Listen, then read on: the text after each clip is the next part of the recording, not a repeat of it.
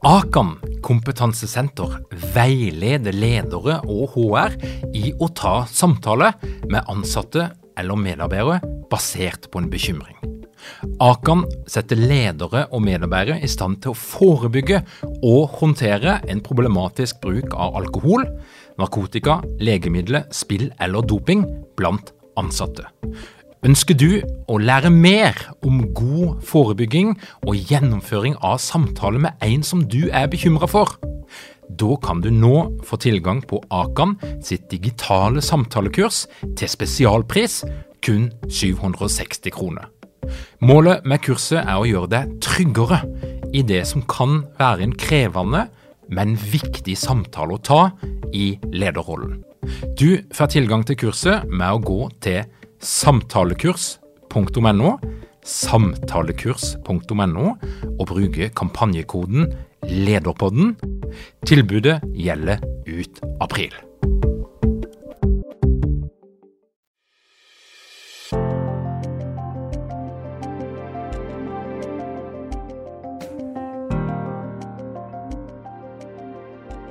Når var sist du fortalte en hvit løgn? Og når var sist du opplevde å bli løye for? Velkommen til Lederpodden.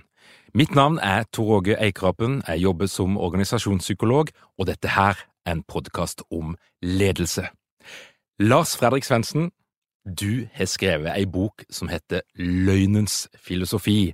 Du er professor i filosofi med Universitetet i Bergen. Du har skrevet nærmere 15 bøker, oversatt til 29 språk, og din største salgssuksess i det her mer sånn allmenne publikummet er nok ei bok som mange der ute har lest, som heter Kjedsomhetens filosofi. Og det er altså, det er altså mange former for filosofi, men nå er det løgnen som, som er i sentrum, og boka di kom bare ut for noen få uker siden, så den er rykende fersk. Ja. Lars Fredrik, eh, hvorfor skriver du denne boka om løgn? Vel, eh, ganske mange av bøkene mine handler om allmennmenneskelige fenomener av det litt ubehagelige slaget. Så er derfor det jeg blitt bøker om sånn som kjedsomhet, frykt, ondskap, ensomhet osv. Og, og, så videre. og, og løgn er også et sånt uh, fenomen, fordi det er ikke til å komme fra at vi lyver absolutt alle sammen. Vi blir løyet for absolutt alle sammen. Og vi fordømmer løgn alle sammen, og det her går jo ikke opp. Så dette er noe vi alle gjør, og som vi vel helst skulle sett at vi ikke gjorde. Og da er jo Neste spørsmål er jo, er jo opptatt av ledelse, og jeg tenker jo at en god leder må jo kanskje være en god løgner? Jeg er uh, usikker på det. Jeg tviler ganske sterkt på det. For jeg vil vel si at uh, den aller, aller viktigste ressursen du kan ha som leder, er tillit. Uten tillit så vil du ikke få utretta så veldig mye. Selvfølgelig, du kan ha et brutalt fryktregime, men det er neppe den beste måten å, å lede på. Hvorfor er tillit så viktig? Jo, er det noe som senker transaksjonskostnadene mer enn noe annet, så er det tillit. I et klima av tillit så kan vi samhandle temmelig friksjonsfritt, uten at vi trenger forsikringer om alt mulig, kontrakter, avtaler osv. Alt går veldig, veldig smooth. I et klima av mistillit så er det motsatte tilfellet. Der vil alle forsøke å sikre seg på alle eh, bauger og kanter, og ting vil rett og slett flyte veldig, veldig dårlig. Så, øh, som, øh, så som leder, uten tillit, nei, så ligger du ganske dårlig an, altså. Og det gjelder uh, kanskje særlig tillit innad i organisasjonen, men det gjelder selvsagt også tillit hos samarbeidspartnere, hos kunder, osv., osv. Og er det noe løgn gjør ganske effektivt, så er det å pulverisere tillit. Så jeg vil si at en, eh, en leder bør antagelig ikke være en veldig god løgner. En leder bør antagelig være veldig god til å være sannferdig. Og da er vi inne på, på, noen av begrepene som du bruker i den siste boka di. For mm. når jeg begynte å lese den boka, så hadde jeg en sånn antakelse om at løgn det var et ganske enkelt fenomen. Altså det å eh, si noe om forskjellen på sannhet og løgn. Og så tenker jeg at hvite løgn er en annen type kategori. Men du gjør det litt mer komplekst. Ja. Eh, og, og, hvis vi da ser for oss ledere, eh, når de blir tatt på, på, løgn, så er det jo ofte eh, Det vi ser, er i hvert fall den utadretta løgnen der de prøver å dekke over feil som de har gjort personlig. Mm. Eh, vi kan snakke om Hurtigruta. Vi har sett mange ansikt i TV-skjermen den siste tida, eh, der det i ettertid viser seg at de var kanskje ikke helt sannferdige. Men, men, men eh, kan du ikke fortelle oss litt, hva, hva, er de her ulike kategoriene av løgn og sannhet? Ja. Altså For det første så vil jeg si at løgnens motsetning er jo ikke sannheten, men sannferdigheten. Fordi eh, strengt tatt så kan du snakke sant og likevel lyve.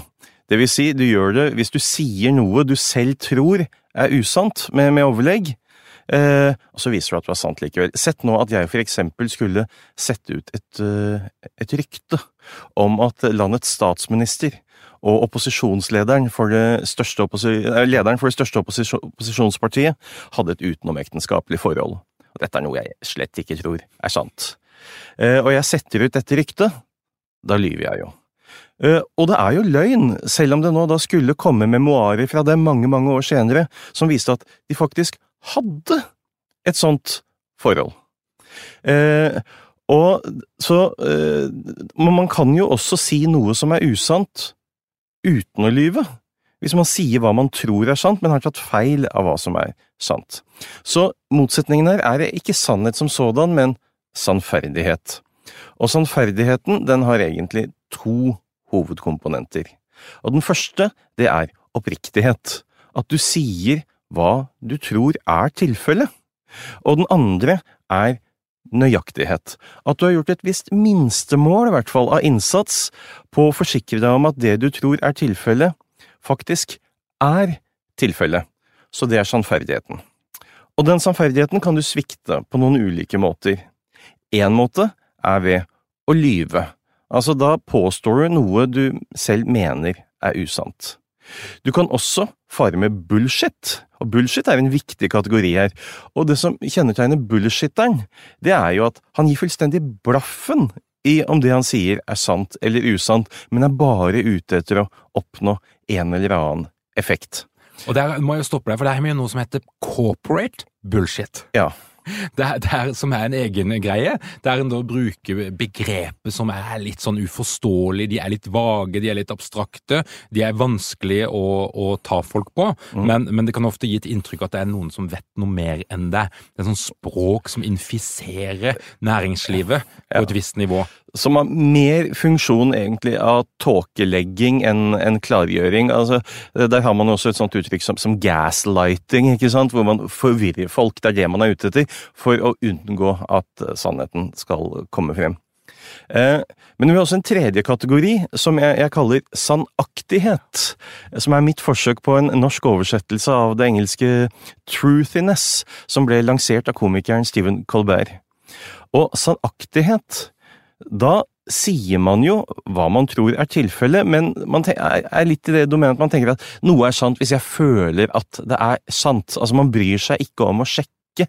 Eh, man eh, tar det bare helt og fullt på gefühlen. Og det er klart, da svikter man jo nøyaktigheten.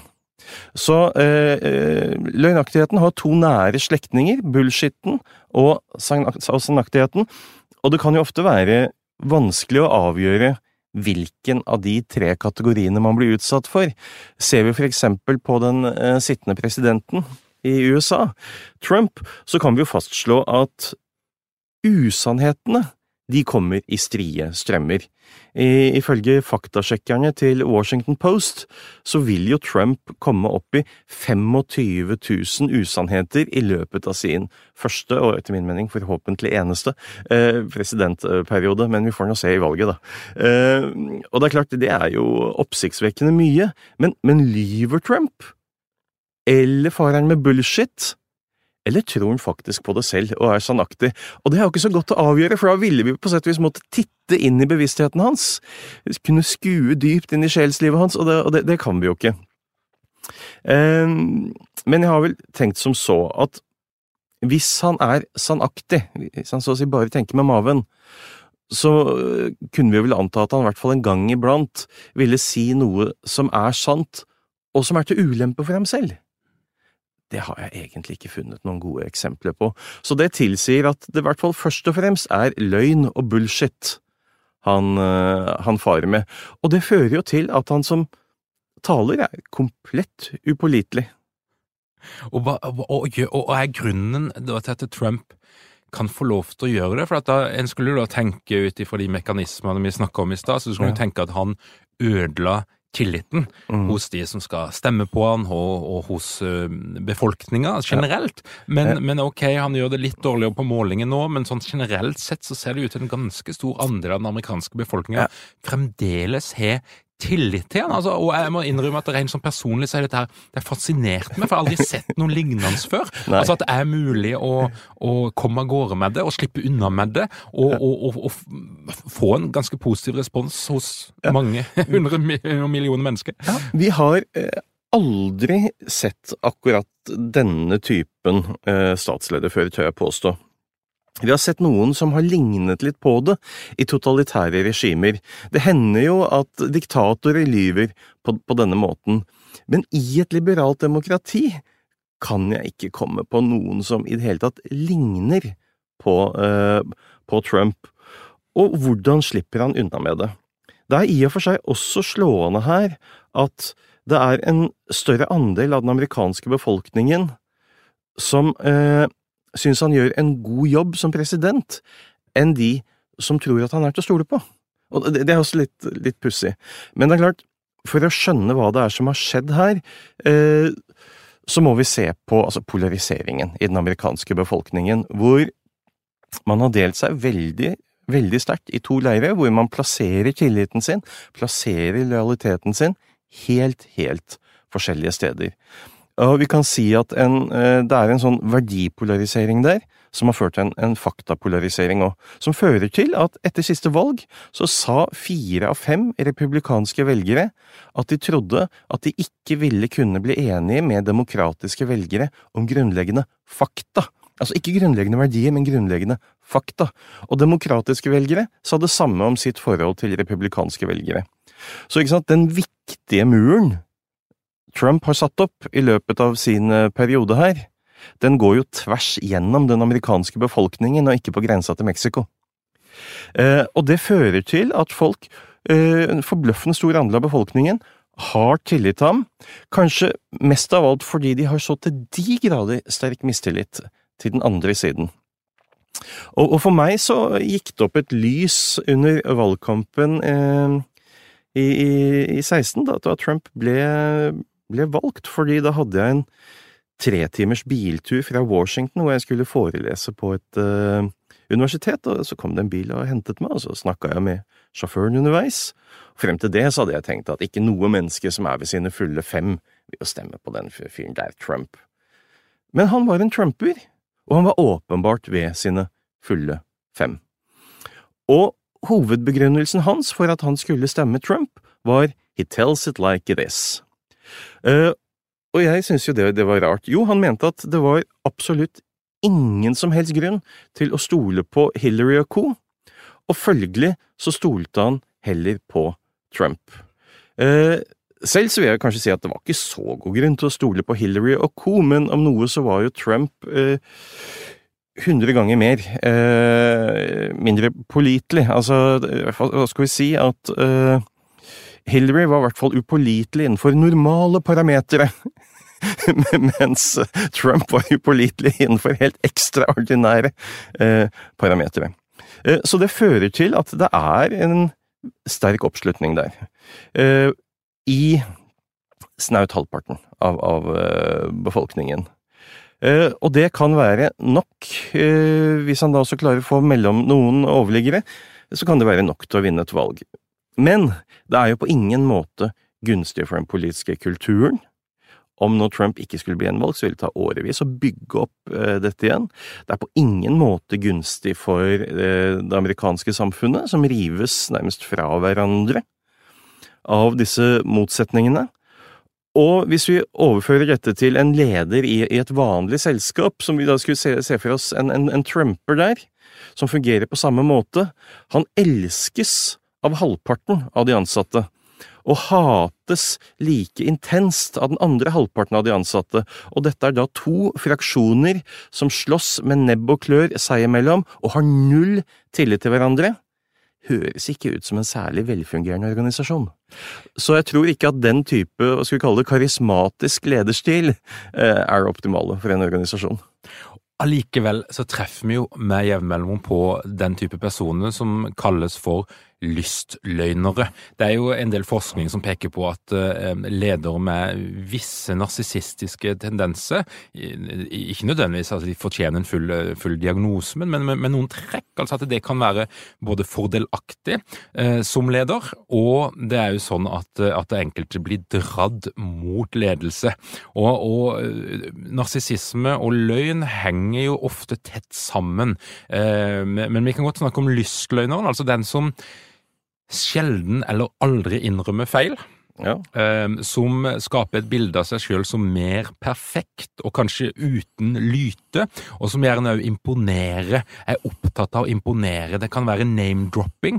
Mm. Der du stadig refererer til hvem du er møtt, hvem du kjenner. Det finnes ingen bevis på at du faktisk har møtt dem eller kjenner dem, men, men, du gir et inntrykk av det, og det kan jo være du gjør det òg. Um, eh, du kan gi inntrykk av, av prestasjon eller meritt som, som, du har gjort, og som heller ikke stemmer, eller du får det ikke helt til å henge på greip. Og Det du skriver om i boka di, er jo noe om at i private relasjoner så vil en jo veldig fort droppe eller en vil nedgradere, som er et begrep du bruker, eh, relasjonen til sånne mennesker. Mm. Men i næringslivet så treffer vi jo en del mennesker som, som, faktisk får lov til, nettopp fordi at de er ledere, de har en autoritet, de har en myndighet, de har en status, som gjør at andre er til en viss grad avhengig av de menneskene. Mm. Um, og, og de, de, de, kan heller ikke stille de kritiske spørsmålene. Men, men henne passer lystløgneren inn i, i, i dette her? Hva, hva, hva, skal vi si om det? Altså, hva, uh, hva er det de oppnår, da? Altså, for, for, det første vi må fastslå, det er at de er i et soleklart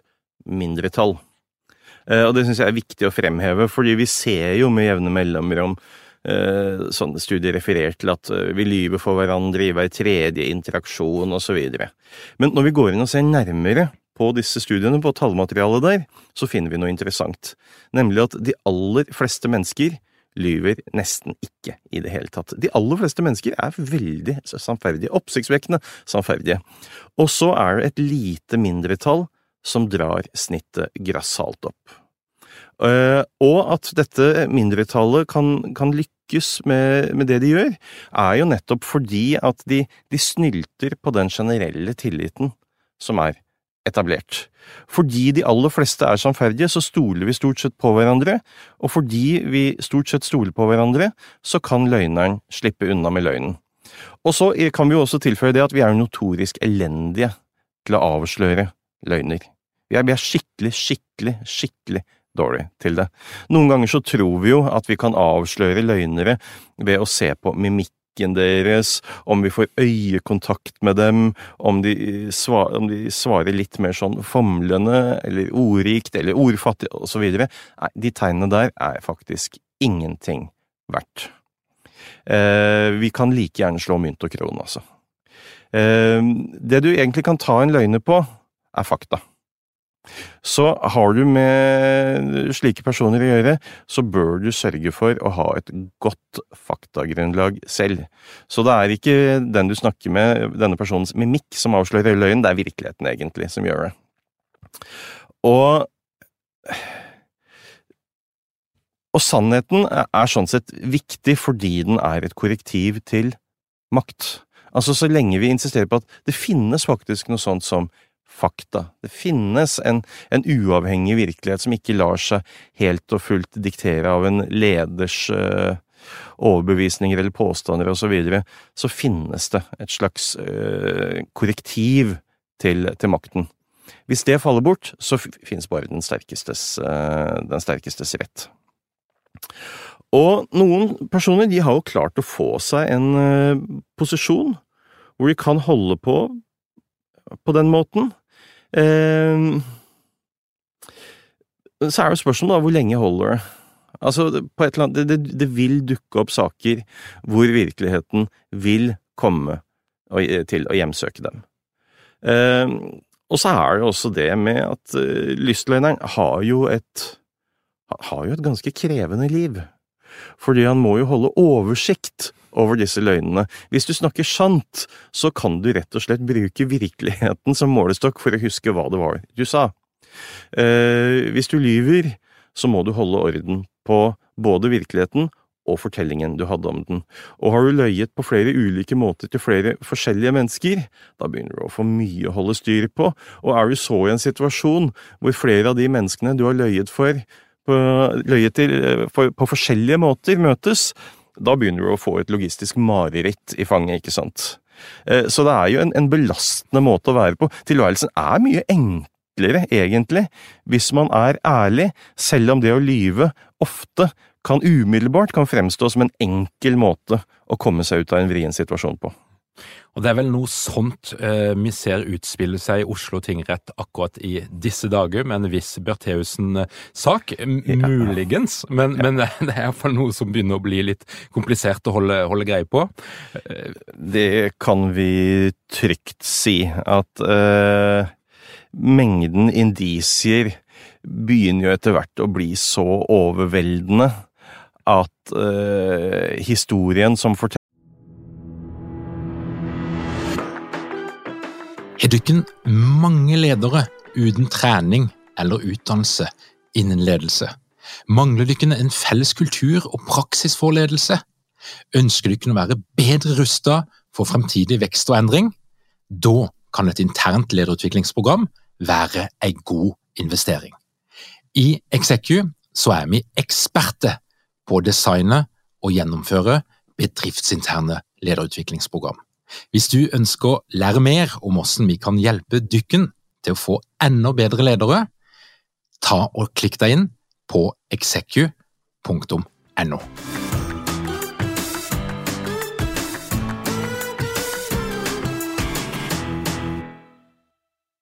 av tiltalte står jo stadig, stadig svakere. Det er noe her igjen altså med at uh, virkeligheten kan være veldig ubehagelig. Det, det, du skriver noe om som jeg opplever som veldig håpefullt, og som er litt sånn optimistisk. og liksom, jeg, kjente når jeg leste at det var litt, det var litt deilig. Det, det, du skriver noe om, det er jo at mennesket fra by default, altså vår forhåndsprogrammering, det er ærlighet, mm. og det er tillit til andre mennesker. Mm. Og dette her kobler du òg opp mot våre eksistensielle behov, altså vårt behov for å være en del av ei gruppe, en del av en flokk, en del av et samfunn. At vi er grunnleggende sosiale i vår uh, psykologi. Mm. Og, og, det er jo litt godt å høre. Ja, det, det er det. Altså, det er jo sånn default er sannhet og tillit. Uh, sånn er det i normale situasjoner. Du trenger, uh, så fremt du ikke er en patologisk løgner, men da er du i en spesiell kategori, så trenger du en grunn for å lyve. Hvis det er like greit å snakke sant, så, så snakker du jo sant. Tilsvarende så trenger du også en grunn for å stille deg tvilende til om noen andre snakker sant. Uh, defaulten din er å stole på, stole på andre. Grunnen til å tvile på det er selvfølgelig at vedkommende du snakker med, har vist seg som en skikkelig løgnhals før. Det kan også være at dette har du faktisk ganske god greie på, og sånn sett så virker det lite plausibelt, det vedkommende sier, men du trenger uansett en grunn. Så defaulten vår, sannferdighet og, og tillit. Og det må jo til for at vi i det hele tatt skal kunne fungere. Eh, et samfunn uten tillit ville ikke kunne fungere i det hele tatt. Det ville ikke kunne være et samfunn. Tilliten er på sett og vis det sosiale limet som, som holder oss eh, sammen.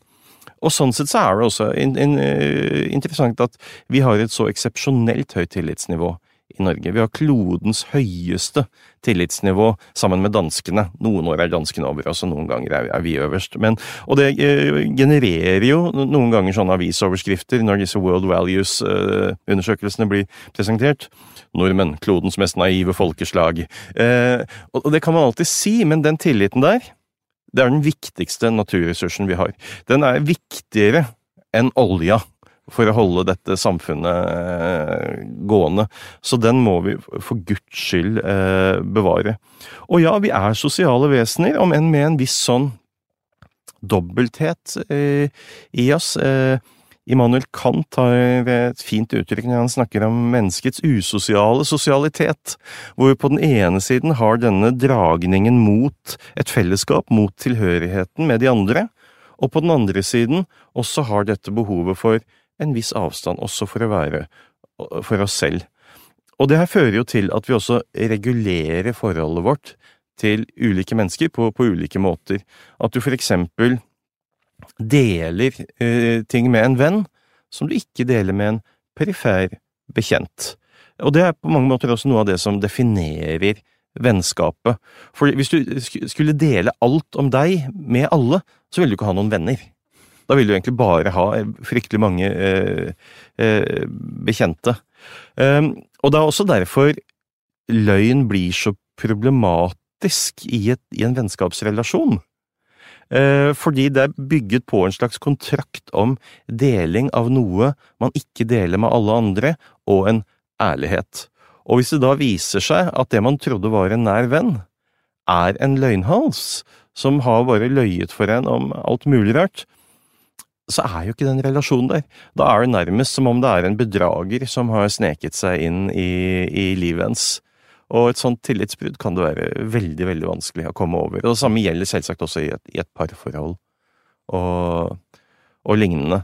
Så om noe så har vi ekstra store forpliktelser til å være ærlige overfor venner, og det innebærer også en ekstra stor forpliktelse til å fortelle dem ting de helst ikke vil høre. Og der er vi jo på noe, noe spennende. for Vi har tidligere hatt en episode på Lederpodden som handler om feedback, eh, ja. og det er blitt eh, veldig populær. Det er noe folk er opptatt av.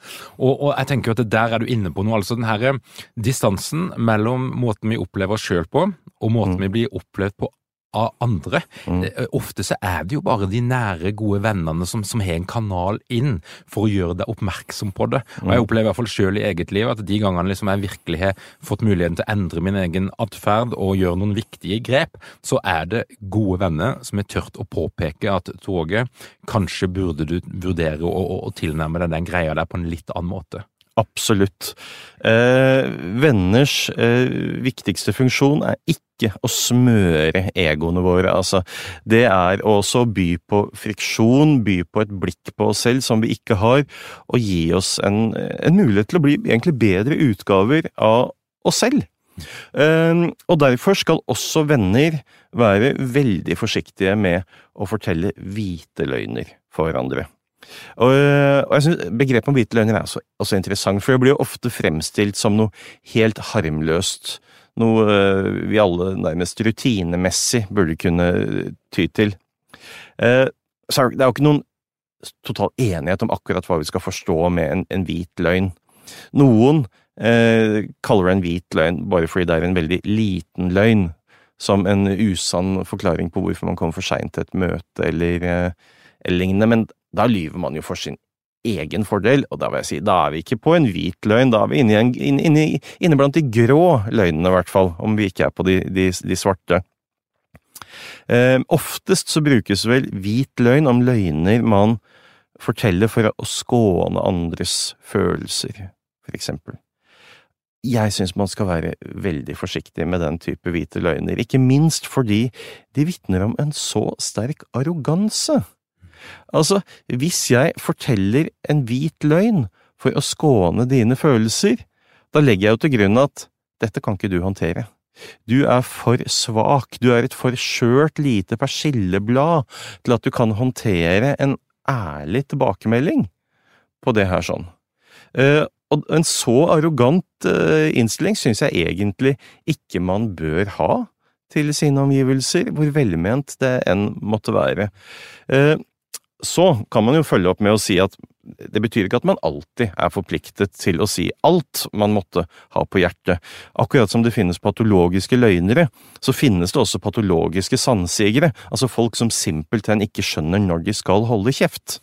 Og det finnes folk som bruker sannhet på en veldig ufin måte. Det er noen linjer av William Blake, den engelske dikteren, som er eh, bra der, hvor han sier at A truth that's told with bad intent beats all the lies you can invent. Altså, du kan også bruke sannheten på en destruktiv måte, og det faktum at det du sier er sant, er ikke i seg selv god nok grunn til at du skal si det, så det, det må gå an å bruke huet. Men løgn, det skal du være veldig forsiktig med.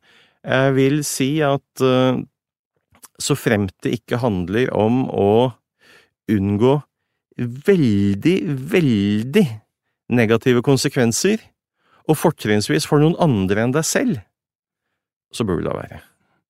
God presisering. Og tilbake igjen til, til, til vennskapet. Jeg, jeg, jeg blir latt meg fascinere av, av, boka di, og det setter et par ting på plass.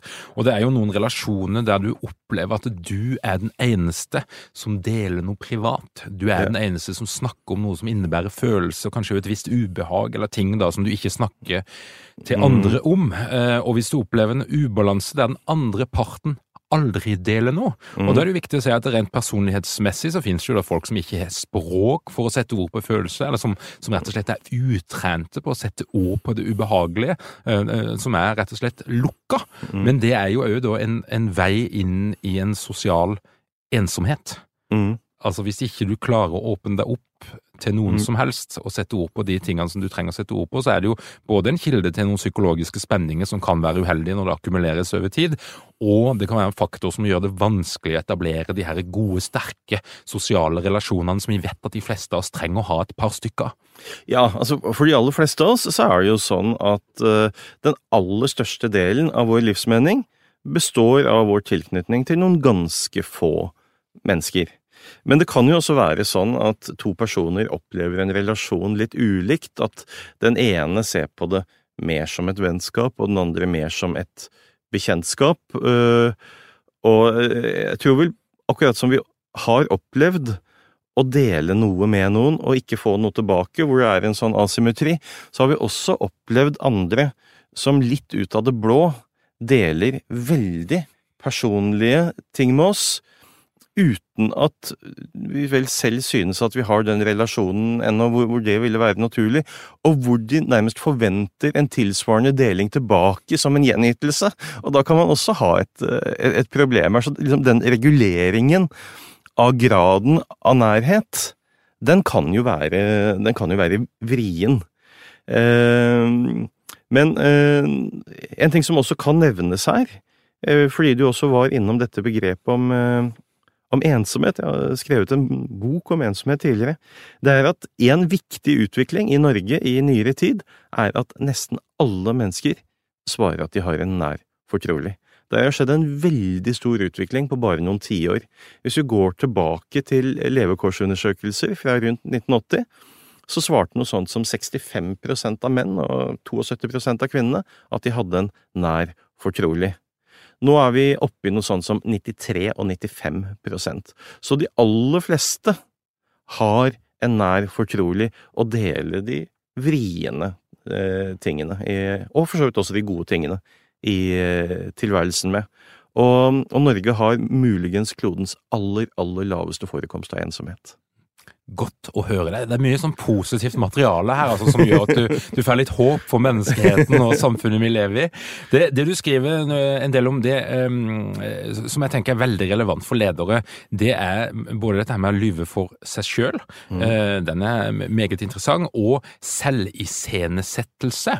Mm. Uh, det er jo en, en, en, kar som du refererer til, jeg husker ikke om han er sosialantropolog eller og, og som er bakgrunnen, men han, han skriver en del om dette her med backstage og frontstage. Mm. Um, altså at vi, vi, vi iscenesetter oss sjøl, og mange ledere tenker å gjøre det. og Det er jo en diskusjon rundt autentisk ledelse. Blir det for autentisk av og til når du skal vise alle dine lyter? Og den her, den her balansegangen mellom å være 120 seg sjøl, og kanskje være 70 seg sjøl, som av og til holder mer enn godt nok. Men, men hva er det vi egentlig holder på med når vi driver med selviscenesettelse? Ja, nei, jeg, jeg vil jo tro at 70% holder i de aller fleste sammenhenger. Eh, T.S. Eliot i sin Proof Rock har en fin formulering hvor han snakker om uh, to prepare a face to meet the faces that you meet. Uh, så det er klart, altså, når vi skal interagere med andre, så, så ligger det en selviscenesettelse i, i det. Og det gjelder ledere, og det gjelder gutta på gulvet, og det gjelder alle. Vi spiller ulike roller for hverandre. Vi overvåker både oss selv og hverandre for å sjekke om vi spiller rollene riktig, og så. Og det er ingenting galt med det. Eh, og vi vil også iscenesette oss selv litt ulikt for ulike mennesker. Altså, du viser deg frem på den måten for noen, og på den måten for noen andre, også uten at det nødvendigvis behøver å ligge noe løgnaktig i det. Det er simpelthen snakk om at du spiller ut ulike sider av deg selv, men selvsagt, det kan være litt ubehagelig da hvis disse menneskene møtes, og de er kjent med veldig ulike utgaver eh, av deg. Eh, og dette kravet om autentisitet jeg er ikke så glad i selve dette uttrykket. Jeg vil synes heller eh, redelighet, ordentlighet, skikkelighet. Eh, du skal være til å stole på. Du skal Altså, eh, det må være dekning for de sjekkene du utsteder, og så videre. Det vil jeg si er eh, mye bedre Eh, ideal, sånn at de som faktisk skal forholde seg til det, også kan se at uh, du er robust, du er helved, du du er ordentlig. Gå inn og stole på det, uh, det du sier. Um, og, og, da kommer vi også igjen tilbake til uh, dette med, med, tilliten. Altså en, klart, en sånn leder som er helt over the top, som er 120 uh, seg selv, og som uh, er der oppe hele tiden, har utvilsomt en underholdningskarakter. Og er eh, sikkert flott på ulike slipp av ulike ting.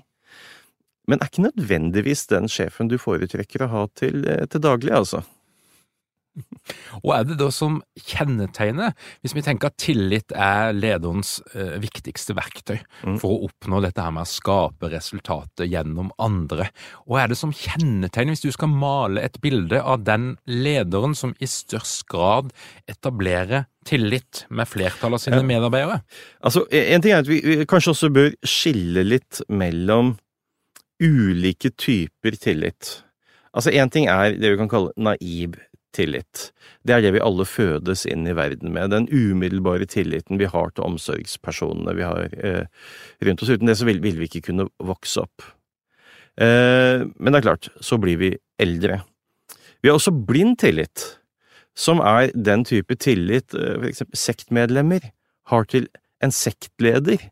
Og, og lignende, som er en type tillit som er totalt uimottagelig for motforestillinger, selv om de for utenforstående altså blinker som røde varsellamper.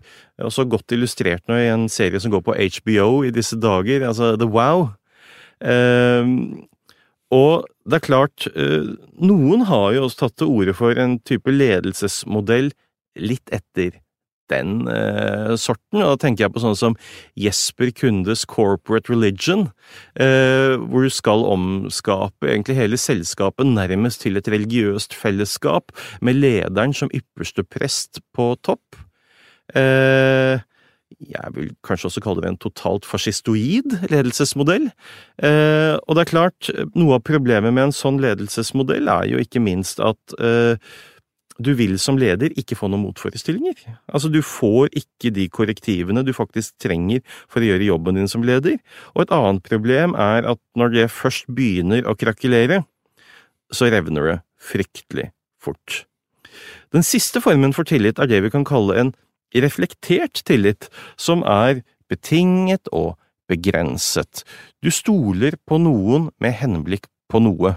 Du stoler på at uh, sjefen uh, er i stand til å gjennomføre et gitt prosjekt på en bestemt måte, men du ville ikke nødvendigvis stolt på ham som barnevakt for deg. Altså, uh, så, og det er samtidig også en tillit som er mottakelig for motforestillinger, som også innebærer at det må være et rom deg for at du kan melde inn motforestillinger til lederen, og forvente at de blir lyttet til. Videre så innebærer det å ha tillit til en leder forutsetter ikke at du tror at denne lederen til enhver tid gjør det som er best for deg. Men eh, det må inneholde en forventning om at lederen i det minste tar rimelig hensyn til eh, ditt ve og vel. Såpass må det i hvert fall være. Så det er også noe denne lederen må kommunisere veldig klart og tydelig. Og det må være forutsigbart, eh, litt i analogi med en slags eh, rettsstat. Altså, det må være en slags regler her, men det mener jeg ikke tykke etiske håndbøker, for jeg tror jeg er veldig lite til hjelp, men at det er noenlunde forutsigbart hva som skjer hvis man gjør det og det. Eh, da har man brukbare forutsetninger for å skape eh, tillit i en organisasjon. Og så er det jo sånn at tillit tar eh, Det er det er veldig fort gjort å rive den ned, og gjør man det, så er det veldig, veldig vanskelig å bygge den opp igjen. Så det er bedre å heller sørge for å prøve å bevare den enn å kjøre for mye gung-ho. Ja. Så kjære leder der ute, hvis du skal ha eh, litt å jobbe med i nærmeste framtid, så er det å ta en liten selvransakelse på din evne til både å bygge og bevare tillit. Og hvis du har lyst til å dykke mer ned i, i materien og, og, og, fordype deg litt i løgnens filosofi, så er det altså ei gul bok der ute som, som, som gir noen eh, perspektiver og, og innsikt som jeg iallfall opplever som veldig nyttig. Lars Fredrik Svendsen, tusen takk for at du kom til Lederpodden. Tusen takk for meg. Takk for at du lytter på Lederpodden. Lederpodden er nummer én på iTunes sin kategori for ledelse akkurat nå. Hvis du liker det du hører, Føl deg fri til å gå inn og gi oss en liten stemme eller ei stjerne, og hvis du ønsker å bli oppdatert på livesendinger og anna snacks, så er det altså facebook.com slash lederpodden som du kan få lov til å like. Vi holder akkurat nå på med å eh, snekre sammen et nytt program som heter Kommunikasjonsprogrammet, som er et digitalt utviklingsprogram som snart blir lansert. Hvis du har lyst til å være blant de første som blir orientert om det, så kan du òg abonnere på vårt nyhetsbrev, og det gjør du på lederpodden.no. Og igjen, takk for at du hører på Lederpodden.